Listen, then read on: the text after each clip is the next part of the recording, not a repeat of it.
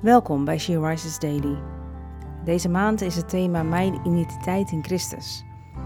En vandaag luisteren we naar een overdenking over 1 Corinthians 3, vers 16 en 17. En daar staat: Weet u niet dat u een tempel van God bent en dat de geest van God in uw midden woont?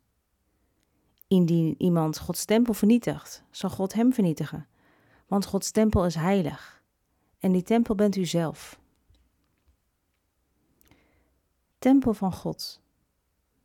Verbonden zijn met Christus geeft me een heel andere kijk op mezelf, ook op mijn lichaam. Want geloven heeft niet alleen met de geest te maken, met ons denken en voelen en willen, maar ook met ons lichaam. Ik ben door het geloof in Christus een tempel geworden, een heilige ruimte waar de geest van de Heer woont en werkt. Wat een kostbaar bezit is ons lichaam dan. En wat belangrijk om er goed voor te zorgen en er een goed rentmeester over te zijn. Zoals we onze auto de juiste brandstof geven omdat hij anders hapert of mogelijk stuk gaat, is het belangrijk om ook ons lichaam op de juiste manier te voeden. Zodat wij er zelf ons best voor doen om het te geven wat het nodig heeft. Goede voeding, maar ook rust en genoeg beweging. Dit lichaam is eindig en onvolmaakt, maar houdt ervan als een tempel van God.